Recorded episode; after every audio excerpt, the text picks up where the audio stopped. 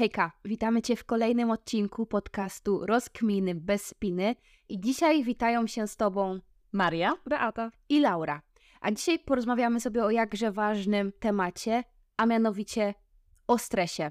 Żyjemy w takich czasach, gdzie nie trudno o to, żebyśmy doświadczali stresujących sytuacji, a niestety mam wrażenie, że bardzo dużo osób ma problem z tym, żeby ten stres rozładowywać. Myślę też, że wielu z nas zdaje sobie sprawę z tego, że stres w nadmiarze jest negatywny dla naszego zdrowia, dla naszego samopoczucia, ale właściwie dlaczego on jest taki szkodliwy? Ja może zaczęłabym od tego, co to tak właściwie jest stres i kiedy on występuje, bo wydaje mi się, że większość z nas kojarzy stres z takimi czynnikami psychologicznymi, że występuje jakaś sytuacja w pracy, w domu, w karierze zawodowej, która nie do końca jest dla nas korzystna i wtedy my czujemy wewnętrznie ten stres. Ale czy tak właściwie to tylko to jest tym stresem? No właśnie niekoniecznie, bo nie zapominajmy w tym wszystkim, że jest też stres fizyczny, który po części łączy się z tym stresem psychicznym, ale stres może też wynikać z nadmiernego zmęczenia organizmu wysiłkiem fizycznym. Dokładnie.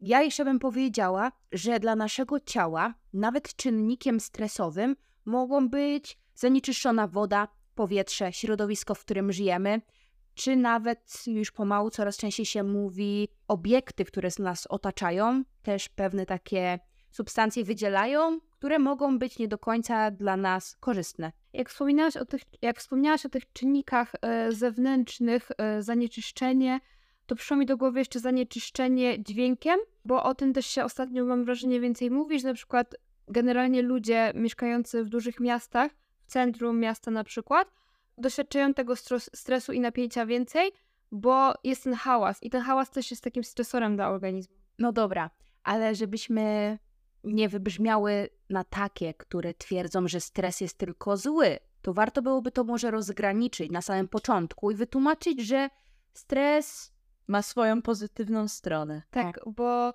generalnie myślę, że większość z nas właśnie kojarzy stres jako coś negatywnego. Ja sama kiedyś byłam jedną z tych osób, która uważała, że stresu za wszelką cenę zawsze trzeba unikać, a niestety tak się nie da. Trzeba się nauczyć po prostu nim zarządzać. Prawda jest taka, że stres ma właśnie też tą pozytywną stronę, bo istnieje coś takiego jak eustres, który nas motywuje do działania, sprawia, że jesteśmy w stanie zrobić coś pod presją czasu czy sytuacji.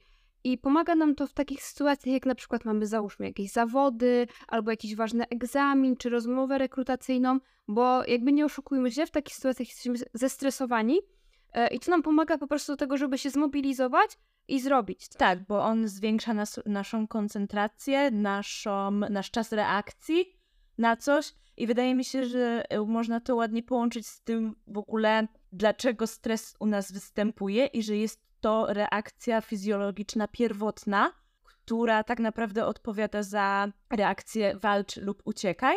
Tak, to jest taka adaptacja organizmu do sytuacji zagrożenia, bo y, w pierwotnych czasach, y, kiedy na przykład gonił nas tygrys, no to nie mogliśmy sobie chillować na trawce, tylko musieliśmy uciekać, więc włączał nam się ten stres, włączała nam się reakcja walcz i uciekaj.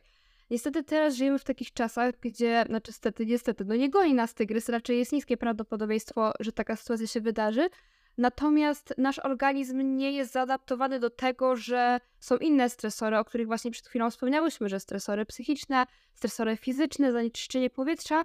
I tak naprawdę nasz organizm bardzo często reaguje w sytuacjach, które teoretycznie nie są dla niego zagrażające, na przykład stresująca sytuacja w pracy czy egzamin, no nie oszukujmy się, yy, raczej nie umrzemy od tego, że nie zdamy egzaminu, ale nasze organizmy reagują tak, jakbyśmy właśnie włączali taką reakcję walcz lub uciekaj. Właśnie, bo Maria przed chwilą powiedziałaś o tym, że stres jest nam potrzebny, bo yy, poprawia naszą koncentrację, zdolność uwagi, ale warto tutaj podkreślić, że taki krótkotrwały stres, który nas ma na zadanie motywować, yy, spełnia tak, taką rolę.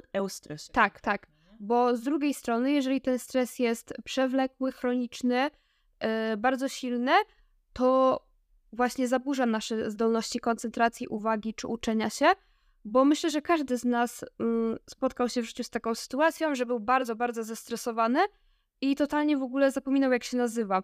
I na przykład można to też odnieść do sytuacji egzaminacyjnych, gdzie ktoś jest tak zestresowany, że mimo tego, że zna odpowiedzi na pytania, to nagle w jego głowie jest pustka.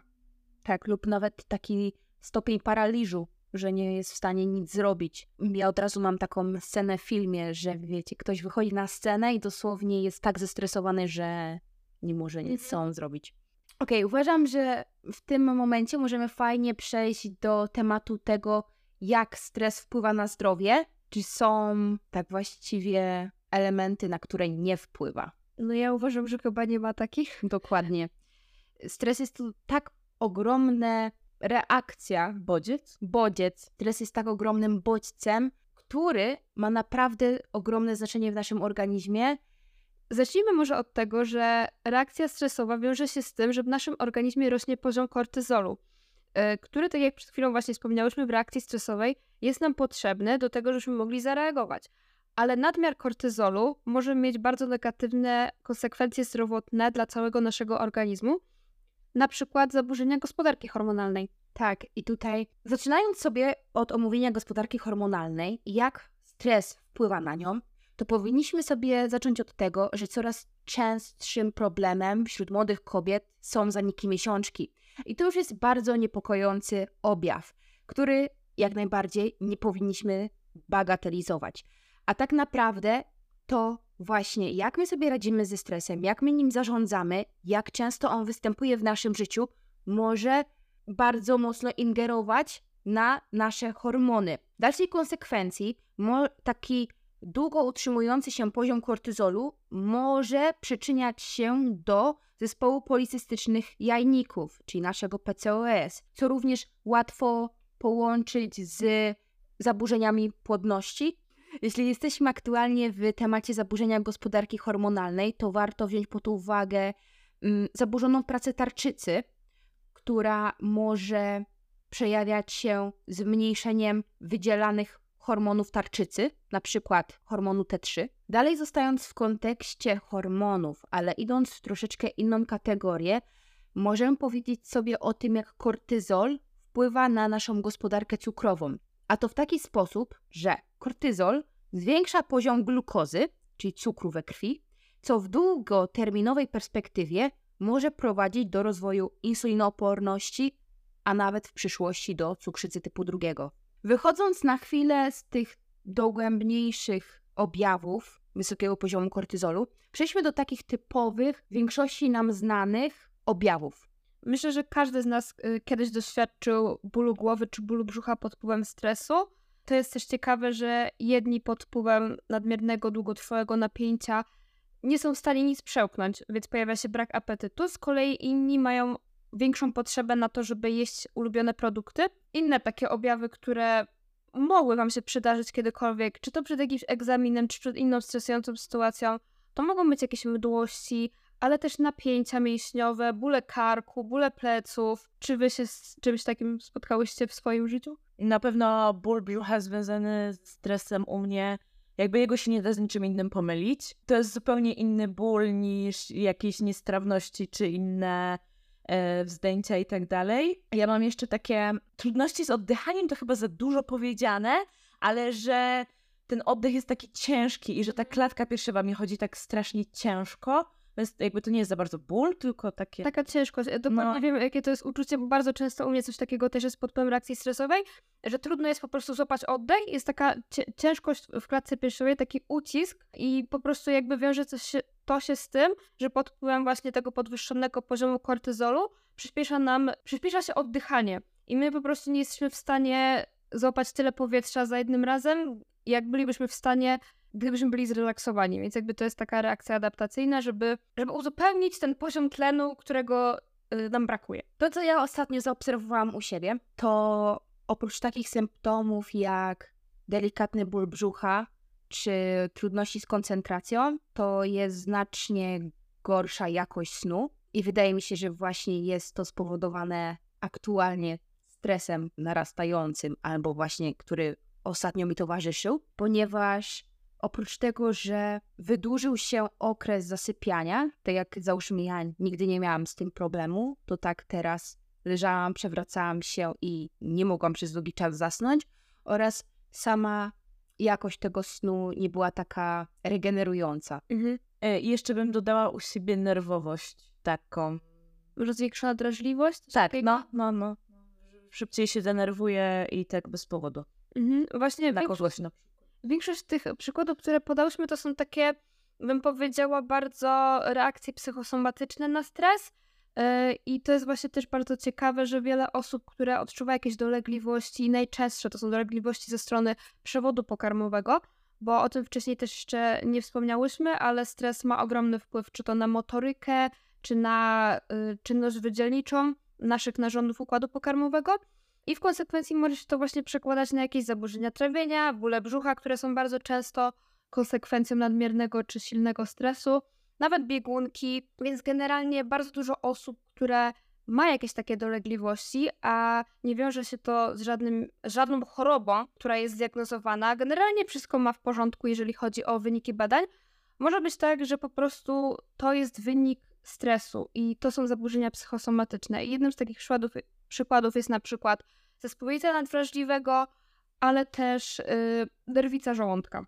Więc generalnie dużo jest takich zaburzeń, które wynikają z zbyt silnego, przewlekłego, chronicznego stresu. Okej, ja bym dodała tylko tutaj jeszcze wysokie ciśnienie, że również może się pojawiać. Odnośnie gorszej jakości snu, o którym już wspomniałam, w moim przypadku, który występował, to również ten nadmiar stresu może w dłuższej perspektywie prowadzić aż wręcz do bezsenności. Ja bym jeszcze powiedziała, bo ty mówiłaś o tym apetycie, że niektórym wzrasta, a niektórym właśnie nie.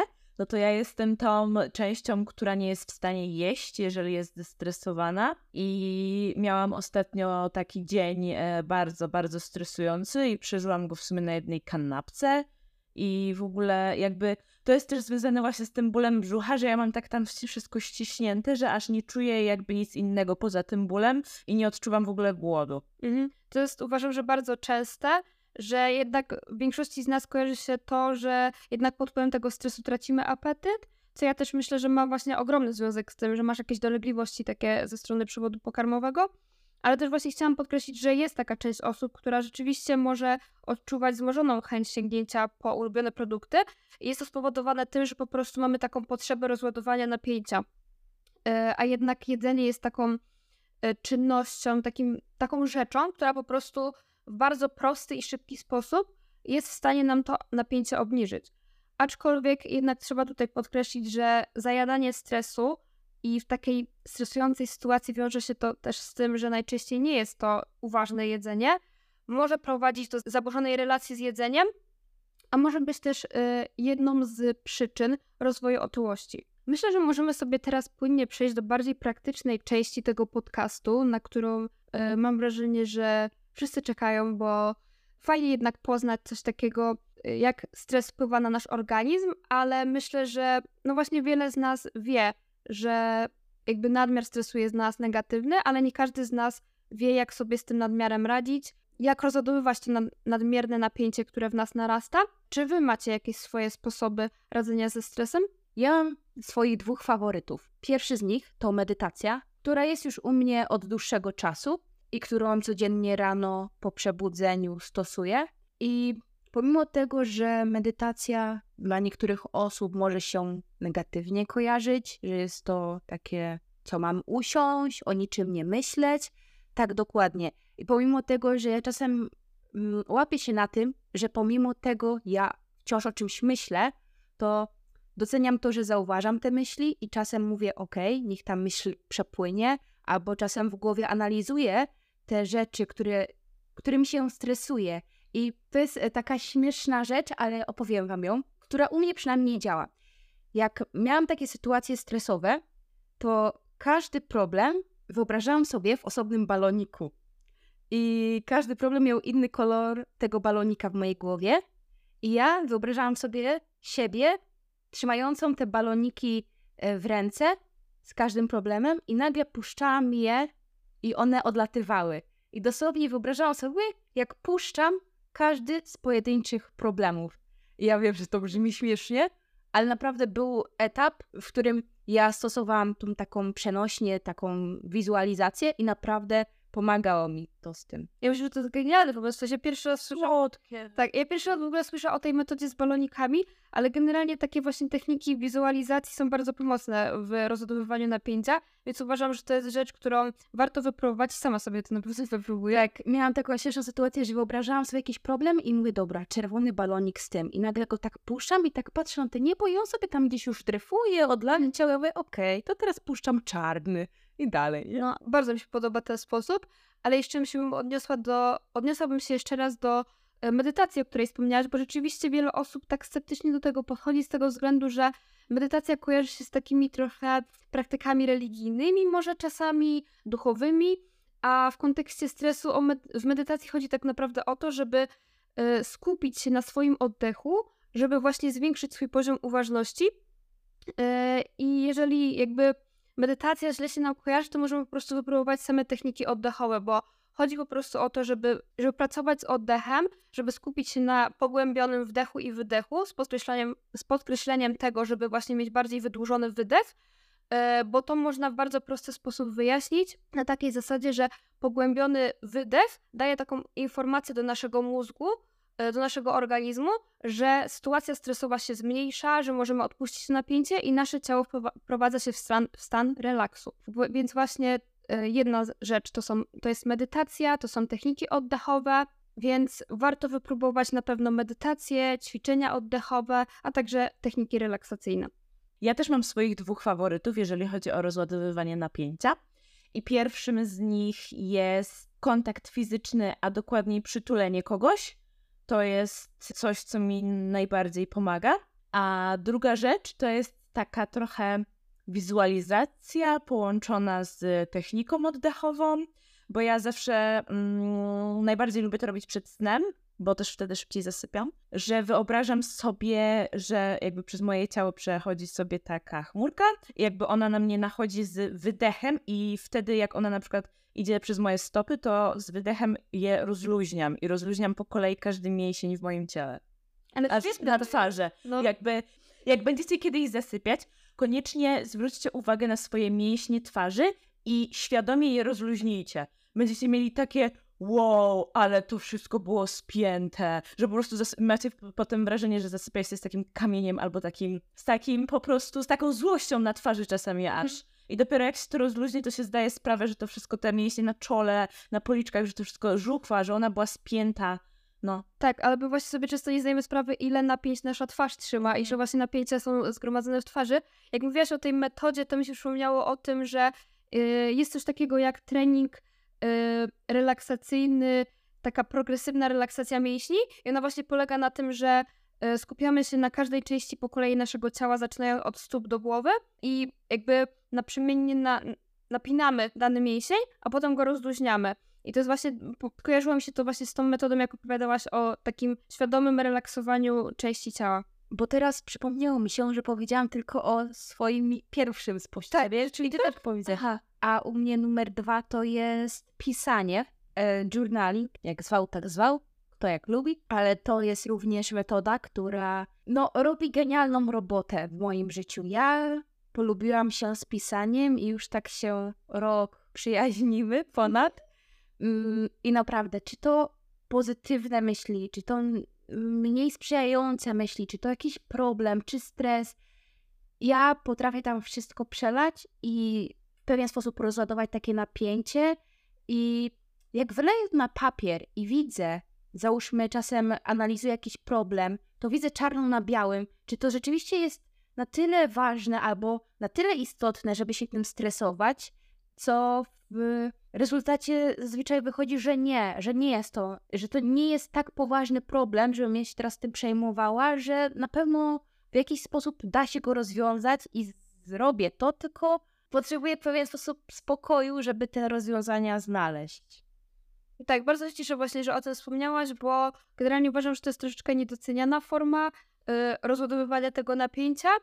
Y, jeśli chodzi o moje takie top y, narzędzi pomagających rozładować nadmierne napięcie, to ja mam ich kilka i chyba jakbym miała wymienić takich swoich faworytów, to zdecydowanie była, to byłoby to wyjście na spacer, posłuchanie muzyki i po prostu taka łagodna forma aktywności fizycznej. Bardzo pomagają mi też ćwiczenia oddechowe, właśnie medytacja. Niezastąpione u mnie jest właśnie journaling i praktyka wdzięczności, aczkolwiek jest to taka metoda, która bardzo mi pomaga, ale jest dla mnie trudna do wdrożenia, że po prostu wiem, że to jest rzecz, która, która bardzo szybko jest w stanie mi to napięcie zmniejszyć, ale jest właśnie taka, że ciężko mi do tego usiąść, więc u mnie generalnie w takich sytuacjach, kiedy bardzo szybko muszę sobie rozładować to napięcie i wiem, że nie mam przestrzeni na to, żeby teraz usiąść yy, i popisać w dzienniku, to pomagają mi właśnie te, e, te techniki oddechowe, wyjście na spacer, czy też właśnie posłuchanie ulubionej muzyki. Czasami jest to dosłownie puszczenie jednej piosenki na trzy minuty, yy, potańczenie sobie yy, i pomaga mi to bardzo. Tutaj Maria wspomniałaś też o przytuleniu do bliskiej osoby. U mnie też świetnie działa to, żeby po prostu porozmawiać z kimś bliskim, żeby do kogoś może zadzwonić, yy, żeby też się przytulić do kogoś, a jeżeli nie mamy takiej możliwości, pogłaskać pieska. To też bardzo pomaga. I kontakt z naturą. Zdecydowanie tak, bo jestem też osobą, która właśnie mieszka w centrum miasta i bardzo często czuję się przebodźcowana tym natłokiem wszystkiego, dźwięku, yy, zapachu, wszystkiego tak naprawdę. Więc bardzo pomaga mi po prostu yy, pójście do lasu, pójście na jakiś spacer do parku, żeby rozładować to napięcie, bo kontakt z naturą zdecydowanie pomaga nam zmniejszyć ten poziom kortyzolu. Przypomniałaś mi o dwóch ważnych rzeczach, czyli pierwsza, teraz e, którą kończyłaś, czyli kontakt z naturą. U mnie również ogromnie ważna rzecz. Natura mnie zawsze wycisza, relaksuje. Mm, też nie bez przyczyny mówi się o tym Shinrin Yoku, mhm. czyli o kąpieli leśnej, więc to zdecydowanie.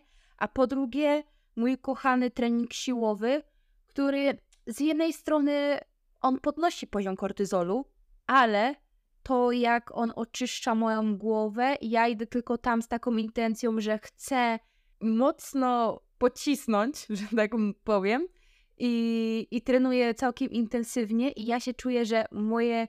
Ja czuję, że moje ciało daje sobie wszystko, ale moja głowa tak odpoczywa i wtedy nie ma żadnego problemu, żadnego stresu, bo ja jestem skupiona na treningu. Mhm. Właśnie aktywność fizyczna, ruch jest świetnym sposobem na rozbudowywanie stresu i nadmiernego napięcia. U mnie takie numer jeden to właśnie te wspomniane spacery. Ja też uwielbiam jogę, jakieś takie właśnie łagodne praktyki. Świetnie działają na rozładowanie stresu. Fajnie, że właśnie wspomniałaś o treningu siłowym, bo rzeczywiście jest to taki sposób na to, żeby trochę wyciszyć tą głowę, nie? Żeby zapomnieć też o stresujących sytuacjach, ale chciałabym tutaj też podkreślić, że rzeczywiście to mocno zależy od osoby, żeby to też dobierać indywidualnie, bo jeżeli na przykład mamy do czynienia z jakąś osobą, która jest chronicznie zestresowana, która jest bardzo, mm, bardzo do siebie bierze niektóre sytuacje, yy, że właśnie tego stresu ma bardzo dużo w swoim życiu i ten stres psychiczny yy, bardzo jej doskwiera, to może właśnie postawić na takie łagodniejsze formy ruchu, żeby się dodatkowo nie zajeżdżać tymi, żeby na przykład nie wybierać jakiegoś crossfitu, czy biegnięcia w maratonie, kiedy mamy mega stresujący okres w życiu. Tak, dokładnie. Również fajną formą aktywności jest taniec. Puszczanie ulubionej piosenki i po prostu potańczenie, potuptanie w miejscu, w pokoju, po prostu poczucie tej muzyki w sobie, w ciele, to też jest cudowne. Tak, jestem trzy razy na tak, bo my często sobie właśnie nie zdajemy sprawy, ile tego stresu w ogóle gromadzi nasze ciało, więc taki intuicyjny ruch, taki taniec pozwala nam właśnie to napięcie odpuścić i polecam po prostu każdemu spróbować. Tak, yy, polecam również wybrać odpowiednią muzykę do tego, żeby nie mm, bodźcować się negatywnie, bo mamy jednak takie tendencje, żeby w okresach, gdzie jest nam źle, puszczać sobie smutne piosenki. Nie robimy tak. Puszczamy sobie przyjemne, przyjemne nutki, które nas odprężą i wtedy do takich e, sobie tańczymy. Tak, totalnie. Ja bym w sumie od siebie jeszcze dodała bardzo, bardzo ważną rzecz, która mi osobiście pomaga i uważam, że wielu osobom również by pomogła, czyli cyfrowy detoks. I takie odcięcie się trochę od social mediów, od tego, żeby po prostu odinstalować czasami niektóre aplikacje, żeby spędzać mniej czasu w internecie, w social mediach, bo, y, bo jednak jest tak, że jeżeli naprawdę spędzamy bardzo dużo czasu y, w internecie, przed ekranami, to też jest to jakiś taki stresor dla naszego organizmu.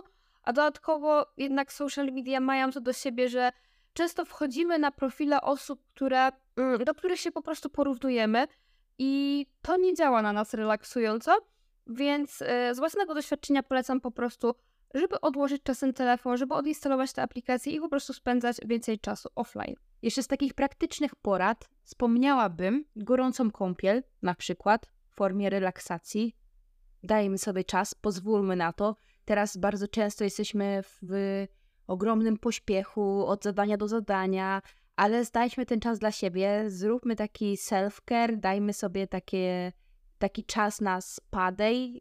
A nawet jeśli nie chodzi o cały dzień, to właśnie taki moment w ciągu dnia, kiedy możesz się spokojnie wykąpać, wziąć ciepły prysznic czy kąpiel i się zrelaksować. Tak, totalnie jestem za i w ogóle myślę, że można to podsumować w taki sposób, żeby po prostu nie zapominać o odpoczynku, o chwili dla siebie, w tym całym pędzie, w tym całym pędzie życia i dnia, żebyśmy znaleźli zawsze jakiś moment, nie musi to być godzina czy dwie, może to być na przykład nawet 10 minut, żeby zrobić coś dla siebie z taką uważnością, ze spokojem, bez pośpiechu, y, żeby zdać sobie sprawę, że nie musimy teraz nigdzie biec, bo to tylko, to tylko wzmaga w nas ten stres. Tak, i teraz jeszcze jedna rzecz, która przychodzi mi do głowy, mm, która może nie wpływa na sam stres, ale działa troszeczkę zapobiegawczo, to praktyka wdzięczności. To jak czasem zatrzymasz się i uświadomisz sobie, że kurczę, mam dach nad głową, mam co jeść, mam całkiem fajne życie. Pomyśl sobie, za co możesz podziękować w tym życiu, albo podziękować w tym szczególnym dniu, co ci się udało. Doceń siebie, troszeczkę podbuduj siebie na duchu. Może to nie jest, właśnie tak jak wspomniałam, typowo działające w chwili stresowej, mhm. ale właśnie zapobiegawczo albo tak prewencyjnie. Mhm. Właśnie praktyka wdzięczności jest, jedna z tak, jest jedną z takich metod uważnościowych, mindfulness bym powiedziała. I od siebie bym dodała jeszcze, że takich sytuacjach, kiedy czujemy, że dużo zwala nam się na głowę, że jesteśmy zestresowani, pomaga po prostu skupienie się na chwili obecnej, na tu i teraz.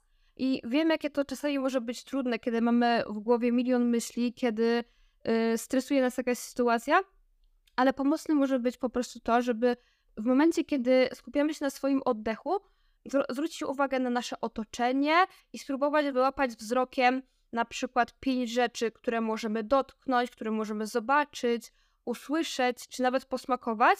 I z własnego doświadczenia, może to brzmi nawet troszeczkę dziwnie, ale rzeczywiście to pomaga, bo pozwala nam się tak ugruntować w rzeczywistości, zobaczyć, że okej, okay, jest wszystko w porządku i po prostu polecam spróbować. Wymieniłyśmy tutaj właśnie kilka różnych metod, które dla wielu osób mogą być pomocne w rozładowywaniu napięcia, ale myślę, że takie kluczowe będzie podkreślenie tego, że tak naprawdę każdy z nas musi znaleźć swoje sposoby radzenia sobie ze stresem i fajnie mieć w takich sytuacjach taką listę rzeczy, które pomagają nam sobie z tym stresem radzić.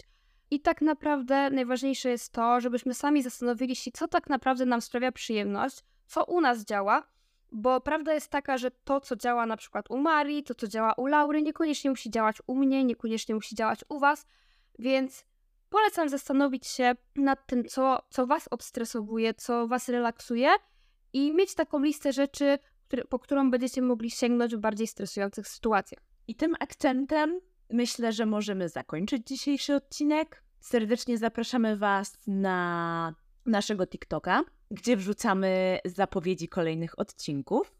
Już za tydzień kolejny odcinek e, naszego podcastu, a w międzyczasie będzie nam bardzo miło, jeżeli udostępnicie któryś z odcinków, który najbardziej Wam się spodobał, na swoich profilach w social mediach. W takim razie słyszymy się już za tydzień. Do usłyszenia.